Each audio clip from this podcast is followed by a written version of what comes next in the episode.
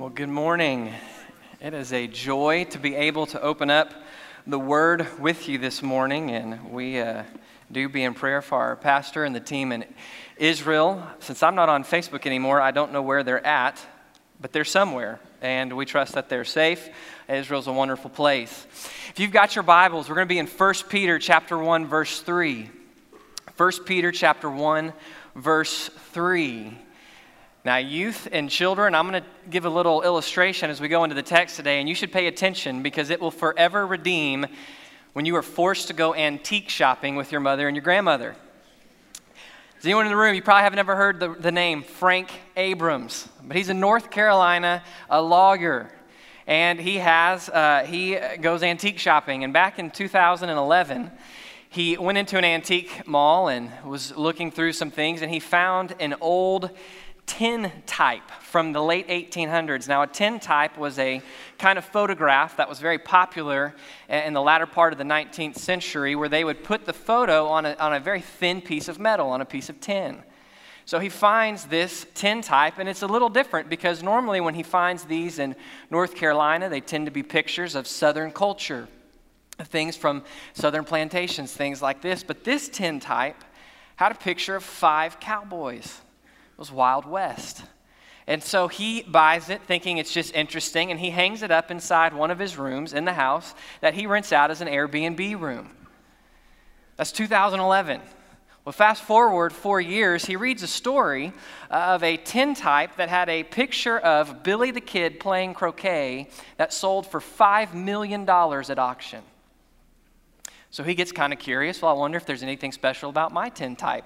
So he goes in and he starts to look at it, and some things start to hit him, and he starts to think. And so then he is not just content with his own realizations, but he takes it to the right channels, the right people. They do facial recognition software and all these things. And he discovers that his tintype, one of the five cowboys, is indeed Billy the Kid, which has already drastically skyrocketed the value of this $10 tintype to multi millions. But he discovers something else in the photo. The thing that really sets him off is on the other end of the photo. One of the other cowboys is a man named Pat Garrett. Pat Garrett was a gambling buddy of Billy the Kid's until he became sheriff in New Mexico County, and he told Billy, You better get out of here, I'm going to have to take you down. And one day, Billy came back, and Pat Garrett is the man who ended Billy the Kid's life. It's one of the only known photographs to ever have the two of them together before that happened. Uh, this tintype would be worth millions today if it were to go to auction. Now, Frank's a lover of history, so he's not so sure that he wants to sell it. But the question that it makes us ask is this Do you know what you have? For four years, Frank owned a $10 tintype that he found at an antique store, not knowing that it was the single most valuable thing monetarily in his home. Do you know what you have? And when you know what you have, how does it impact your life? So, as we come to the text, the question you and I have to ask today is Do you and I know what we have in Christ? Do we really know what we have in Christ? Or has, is what we have in Christ, is the salvation we've given in Christ, has it become so commonplace that it's easy for us to just skip right over it? Oh, yeah, Jesus saved me from my sins, but I've lost the weight and the majesty of what actually God has done. So, Let's look at 1 Peter. As you come to 1 Peter, the Apostle Peter's writing this, most likely from Rome. He's writing to a group of believers in what's today northern Turkey. It's a group of believers that he's going to remind them are living as aliens, as sojourners. They're, they're not at home in this world and they're only here a short time. And it's a group of believers that are facing social persecution for the fact that they're followers of Christ. They're facing a loss in business from their jobs. They're being fired from their employers. They're facing per, uh, ridicule from their families. They're facing social persecution. He's going to write this letter to encourage them on what it looks like to follow the Lord obediently and what it looks like to do that in a culture that's hostile. And so here's where he builds the entire case he's going to make in this letter upon what you and I have in Christ. So look with me. Blessed be the God and Father of our Lord Jesus Christ. Blessed, literally praiseworthy, worthy of praise is the God and Father of our Lord Jesus Christ. God is worthy of our praise simply because He's God. If He did nothing, He would be worthy of our praise because He is God and deserving of all praise. But our God is not complacent to just be God and do nothing. Our God, because of who He is, He acts. And He is worthy of praise because of who He is and because of what He does. Which is about to be what he unlocks. This entire passage we're going to look at today is one solid cry of praise, declaring that God is worthy of all our praise, and it's all about him. It's not about you and I. Blessed be, worthy of praise is the God and Father of our Lord Jesus Christ because of his great mercy. For he tells us what God has done, he tells us something about God. God is a merciful God. The word mercy, there's two senses to the word mercy there's a, judici- a judicial sense and there's a social sense. When you come to the legal sense, it's of one who is in authority looking down at one who has transgressed the law. And this person who's in authority showing leniency on that person by not giving that person what they deserve. On a social sense, it means to be so filled with compassion and sympathy that I look out as one who has power on one who is suffering, and I am moved deeply to act and alleviate that person's suffering. This is the heart of God. Everything that flows is a result of His mercy. God owes you and I absolutely nothing. He does not owe us anything that He gives us. He does not owe us life. He does not owe us breath. He owes us nothing but He is a merciful God who looks out on broken mankind and acts. And in sending Christ, Emmanuel, God with us, this is what He does. Because of His great mercy, He has given us a new birth into a living hope through the resurrection of Jesus Christ from the dead. What He has done is He has rebirthed us. When you come to Christ in faith, when, when the Spirit convicts you of your sin and your need for Christ, and you respond in faith, declaring that Jesus, what you have done is good enough, and I need what you have done, I need you to save me. When that happens, who you were is no more. Because you are rebirthed, is what it says. You are born anew. What you were no longer exists. You are made new entirely. I am made something new. I am reborn. And God gets all the credit, right? Because you don't make yourself born.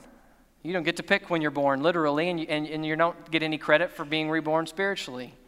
But you are reborn. You are made entirely new. And you're born into, if in this life, when I'm born physically, I am born into, according to Ephesians 2, a life that is dead in trespass and sin. I am born into death. Here, look at what it says I am reborn into not death, but I am reborn into a living hope, a hope that is alive. Now, the word hope, we use that word hope, and we pick up on two aspects of biblical hope, but we miss the third. When we use the word hope, we say things like, I hope the Rangers win the World Series next year. Well, we pick up on something that's unseen because they didn't win the World Series and they haven't. It's futuristic because I'm looking towards the future, but what it lacks is it lacks a guarantee. There's no guarantee that happens next year. My hope is simply wishful thinking.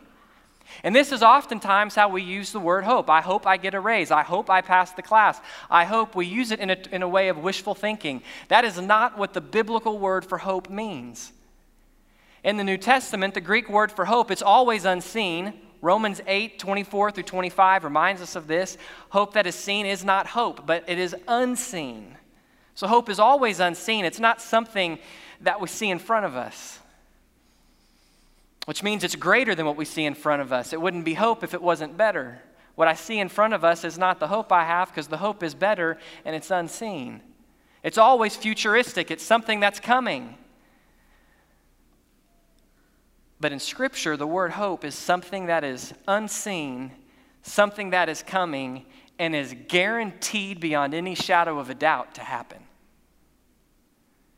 I don't see it yet, it's not here yet, but it's going to happen. That is what hope is says that we've been born again into a hope, into a, not just a hope, a hope, if that's what's setting us up of what is coming, it's a living hope. Living is present. This hope that I have in Christ gives me life. It's life that I experience in the present, and that will be brought to its completion in the future. And it's guaranteed it's going to happen. And nothing will get in the way of it happening because it's hope. But it's a living hope because it's through Jesus' resurrection from the dead. It's a living hope because Jesus is alive. Why is it guaranteed hope? It's guaranteed hope because the one who gives it cannot be conquered by anything. It's guaranteed because Jesus is absolutely going to come back and bring the fullness of that hope. It's a living hope because Jesus is alive. And there is no, uh, there is, even if you were to remove what Scripture says about his resurrection and you were to just take what the Roman historians give us, there is no possible way to explain all the facts they present of his resurrection other than he rose from the grave a little over 2,000 years ago. He is alive and he will not be stopped. And because of this, I have been given a living hope. And look what it says as a living hope, I have this, verse 4 and into an inheritance that is imperishable, undefiled, and unfading. I have an inheritance. What is that inheritance? You go through Scripture. I give you just give you simple things you could go through, and time doesn't permit us to go through everything that we're given. But essentially, Romans 8 says that I have the very inheritance of Christ. I'm a co-heir with Christ. So, what does that include? Uh, includes a restored justice because I have an eternal reward. I am rewarded for the life that I live in faith in Christ. Even though it's not a life I gave myself, it's what God gave me. He rebirthed me. I am rewarded for it. You see this in 1 Corinthians 3 talks about our life will be put on the altar before Christ. And that which is done for Christ and, and, survives his refining fire is given to us as reward. We saw this last week as uh, Pastor Chris walked us through Revelation 2 through 3, the, the rewards that Jesus laid before the churches to walk faithfully with him. It's a real reward. You and I will be rewarded for following Christ faithfully. There's a restored dwelling. John 4 says that Jesus goes to prepare a place for us. We have an eternal home, a home that will not change, a home that is secure, a home that there is no trouble, there's no discord. There's also probably no 24 hour news networks. Look at what Revelation 21 says. Let me read it to you. It says, He hears a loud voice Look, God's dwelling is with humanity. He will live with them. They will be his peoples. God himself will be with them. They will be, he will be their God. He personally will wipe every tear away from their eyes. Death will be no more. Grief, crying, pain will be no more because the previous things have passed away. Our inheritance is an eternal home that is perfect.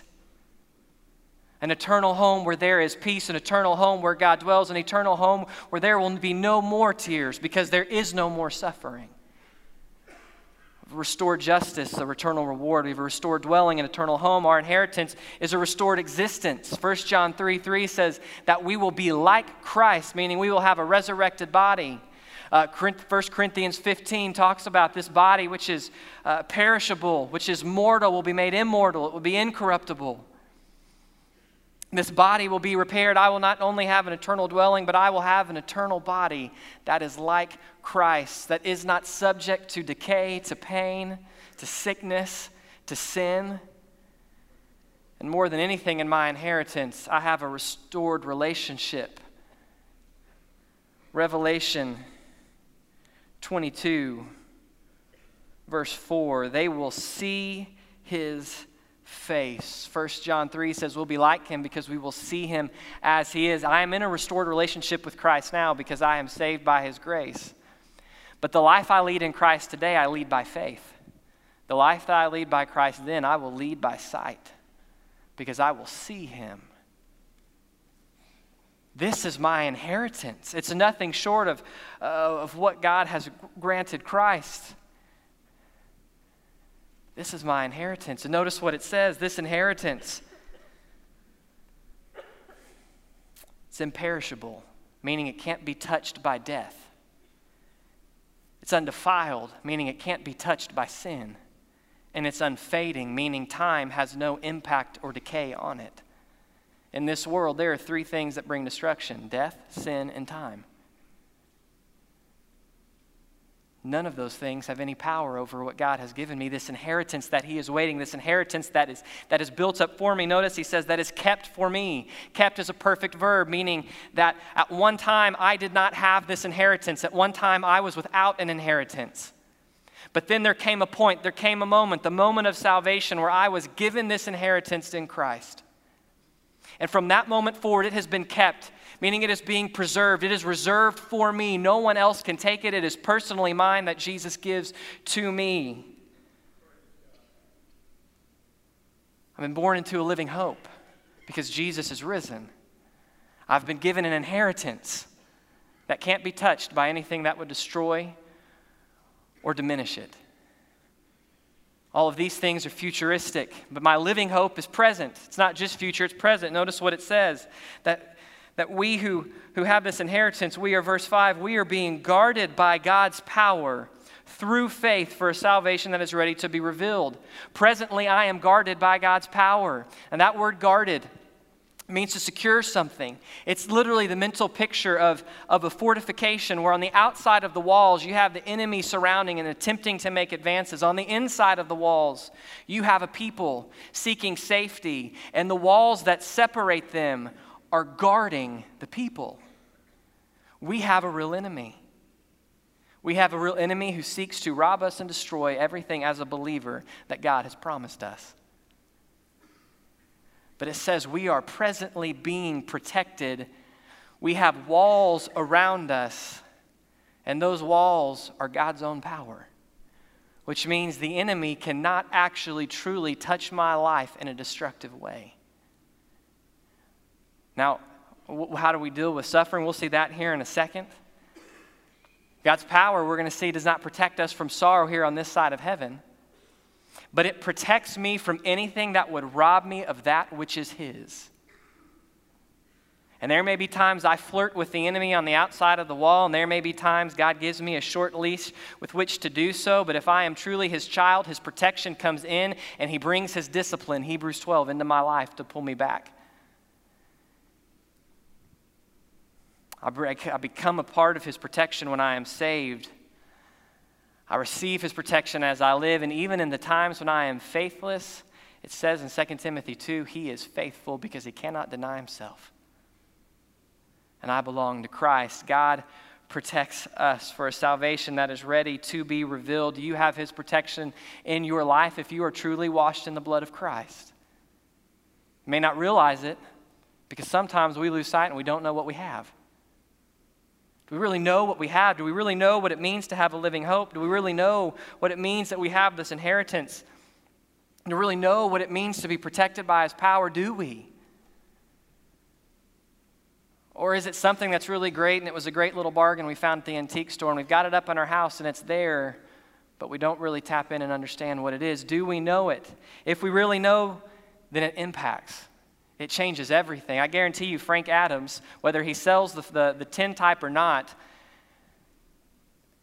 his perspective of how he treats that tin type has forever been changed. If his house burns down, there may be a few sentimental things he grabs, and he'll grab that tin type because if he sells it, he'll have everything he's got, everything he loses again.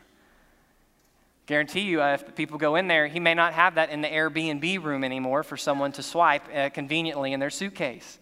If you and I really know what we have, it changes everything. So, how does this change us? How does what we have in Christ change us? Look at verse 6. You rejoice in this, in this, in this salvation, everything he's described. You rejoice in this, even though now for a short time, if necessary, you suffer grief in various trials. You rejoice. If you know what you have, then you and I rejoice in it. The word rejoice is an interesting word. It is not used by secular writers in Greek. It was not a word that they used. It's a word that, that, that took on a distinctly Christian fl- uh, flavor that the Holy Spirit used the authors of Scripture and pulled in it used. It means to, to take joy. And specifically to take joy by taking my thoughts taking the eyes of my heart, the eyes of my mind, and setting them on who God is and what, and what He has done. It is a meditation of who He is and what He's done. That's what rejoicing is. To rejoice in something is to give thought to who, who someone is and to what they've done. To rejoice then here is to give thought to who God is. He is worthy of praise. He's a merciful God. And what has He done? Look at what He has given me. The size of my rejoicing will be dependent upon how great I really understand what I have is. And rejoicing is what the Holy Spirit uses to produce joy. Joy is an interesting thing in Scripture. We tend to, to, to view joy and to promote it as if it's an emotion, as if it's simply happiness or pleasure. There is another word for pleasure in the Greek. And it's not the word that's ever used for joy. It's the word we get hedonism from. And the word for pleasure is not the word for joy. Joy is something entirely greater than simply pleasure.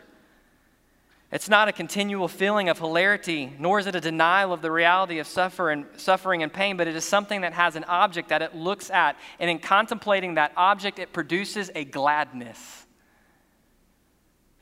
Which means, certainly, is there an emotional component of it? Absolutely. But it also means it's far greater than just an emotion which is why it's possible. Notice what the text says we rejoice even though now we suffer grief.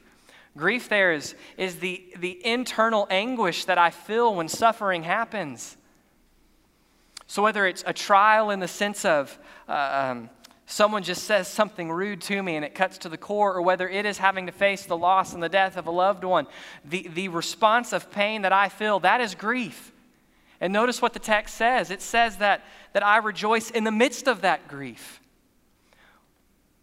which means the response of rejoicing is not exclusive from the feeling of grief. I can feel the fullness of grief and sorrow, and I can still rejoice. It should give freedom to those of us who face intense sorrow. It means I possess the ability to have joy and to rejoice even when I feel crushed and in anguish. Jesus is described as a man of sorrow and well acquainted with grief. Paul says that they were that they despaired so deeply that they despaired even of life itself. You and I are going to be grieved. God's salvation, the greatness of his gift does not exempt us from suffering in this life. Doesn't tell us how much suffering we'll have, doesn't tell us how many. The language is very generic. You will, various trials, it's so generic, it covers everything from tragic loss to, to times when you're being tested and God allows situations in your life to test. It covers everything in that gambit, everything you could suffer that is sorrowful, it covers. And in this, I can rejoice. And in rejoicing, the Holy Spirit produces joy. This is what sets joy apart from happiness. I can buy happiness. Joy is exclusively only produced in me by the Holy Spirit. I can't actually make myself joyful. It's a fruit of the Spirit, meaning the Holy Spirit has to make me joyful. My part is to rejoice. It is to take my mind in the midst of grief, to take my mind in the midst of happiness, to take my mind and to dwell on the greatness of who God is and what He has done in my life. And everything that it means because of what he has done.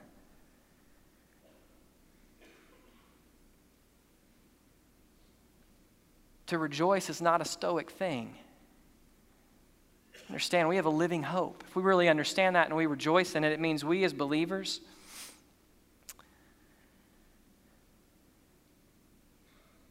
We as believers should look like people who have life. Any kind of Christian uh, teaching that produces within us just a deadpan roteness is not, not flowing out of what God has given us. Now, notice, because of what God has given us, notice what happens in our suffering. It says, You rejoice in this, even though, if now, for a short time, if necessary, you suffer grief and various trials, so that the proven character of your faith, which is more valuable than gold, though perishable, is refined by fire may result in praise, glory, and honor at the revelation of Jesus Christ. Because we fall presently under the protection of God, and because we have this hope and inheritance coming, what God does with our suffering and our sorrows is He transforms it. So, no, the enemy cannot touch my life in a way that would rob me of what God has given me. But God will permit, whether it's the enemy or whether it's, it's other people, or God will permit and allow suffering and sorrow in my life. It cannot happen if He does not allow it. And catch the difference there's a difference in allowing something and causing something. God didn't cause Job's suffering, but He allowed it. Nothing can touch my life because I'm under, I'm inside the walls of God's power that He does not allow. But He will allow some sorrowful things to happen. But because of what I have in Christ, I'm not simply left with sorrow. I grieve, but not as those without hope.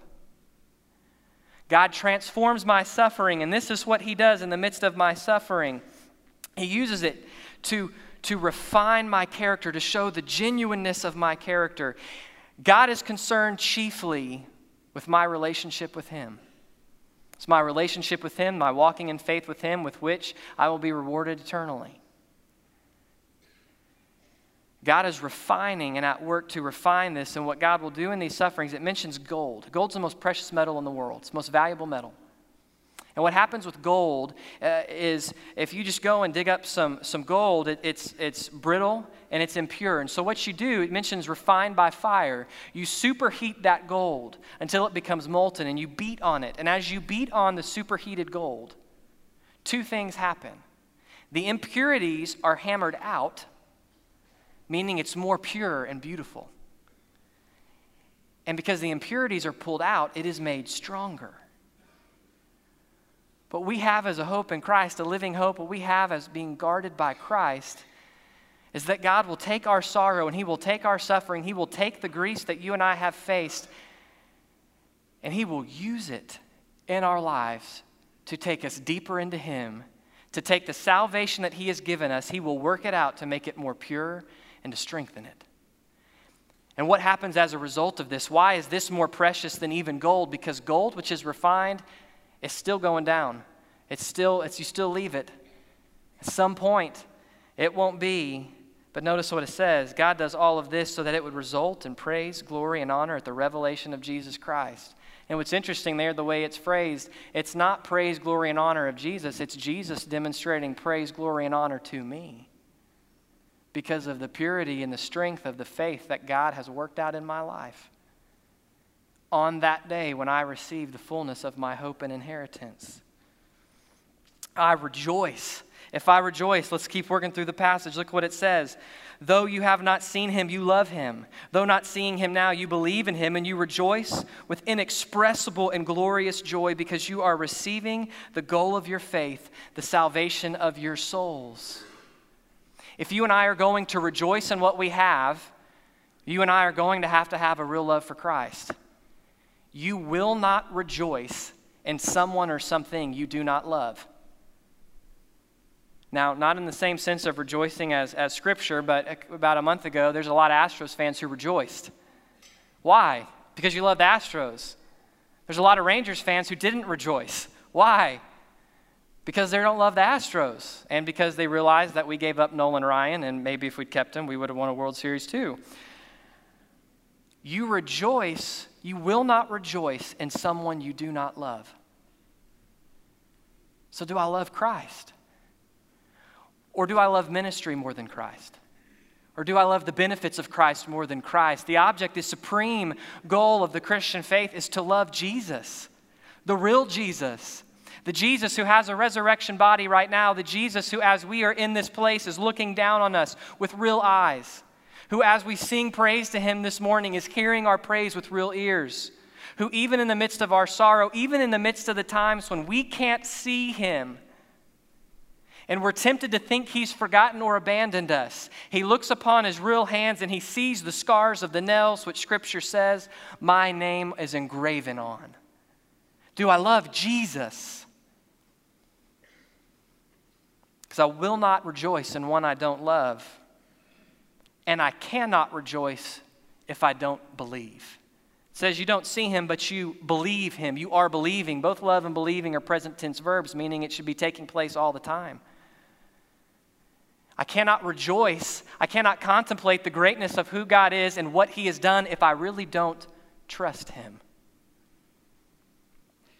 For some reason, it seems as believers, it's much easier to trust Him for the salvation of my soul, which is something I can't see as well, than it is to really trust that all the things that He gives me in my salvation, He will actually be faithful to do. Do I trust that He guards my life? Do I trust that I have a hope that is coming? Jesus said that anyone who gives up anything in this world will be rewarded tenfold in heaven. Do I really trust these things? If I do not really believe God and His Word, I cannot rejoice. If I allow doubt to linger in my life, I will not rejoice. And if I will not rejoice, you want to know why? Uh, why, why I lack joy? Because I'm not rejoicing. Because in rejoicing that the Holy Spirit produces the joy. And when I love Christ and when I believe what he says, notice what it says I rejoice. Again, present tense, rejoicing. We should be doing this always. Not once a week on Sunday mornings, not once a year at Christmas or once a year at Easter, but always. This is a moment by moment process in our life. We rejoice how? We rejoice with joy that is literally unable to be described by words and is filled with glory. And, and the way the verb is there, it means that God places his glory upon this joy.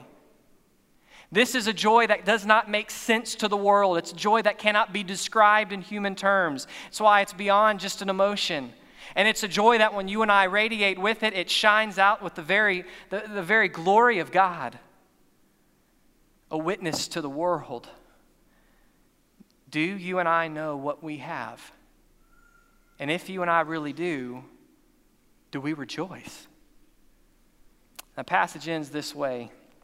Look real quick with me. He's going to remind, he's talked about what we have, how we ought to respond, but he's going to end going back to what we have, but he's going to describe it not in terms of what it is, but in terms of the greatness of it. Look with me real quick, verse 10. Concerning this salvation, the prophets who prophesied about the grace that would come to you searched and carefully investigated. Those words mean this that the prophets, they were very careful. They wanted to know every little detail about what was coming, and they looked forward to it with eagerness the prophets, the great men, Isaiah, Jeremiah. I mean, can you imagine Jeremiah? God says, I will write a new covenant, a covenant that is where the law is on the hearts. Ezekiel, where he sees the, the, the dry bones get up and lived. These men looked forward from the other side of the cross and they were eager to know everything they could about what you and I have now. And they inquired into what time or circumstances the Spirit of Christ within them was indicating when he testified in advance to the sufferings of Christ and the glories that would follow. Understand that what you and I have now, it is costly.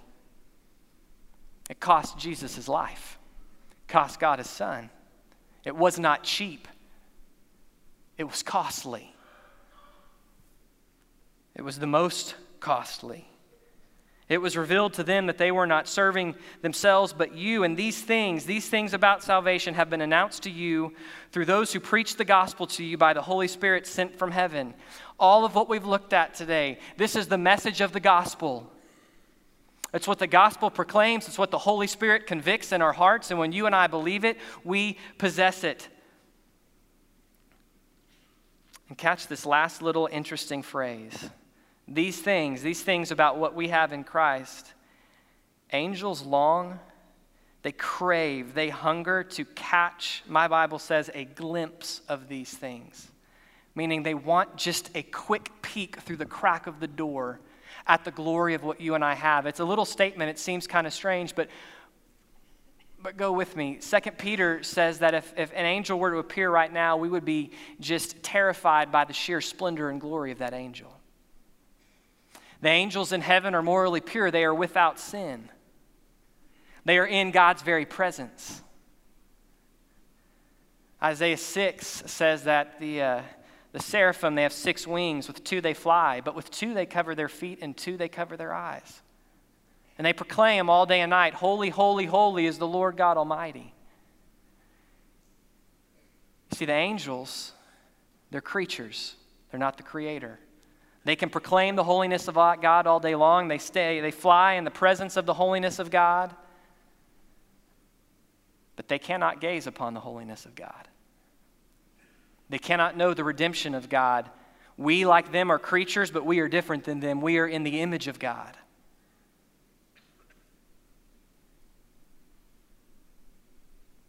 The angels cover their eyes because they cannot gaze upon the holiness of God, yet Scripture says that I will share His holiness, and it says that I will see His face. The angels dream to catch just a quick peek of what I have presently in Christ and what is coming to me and my hope and inheritance. Do you and I know what we have? Pray with me. Father, forgive me for the many days where I failed to rejoice, where my mind is pulled towards what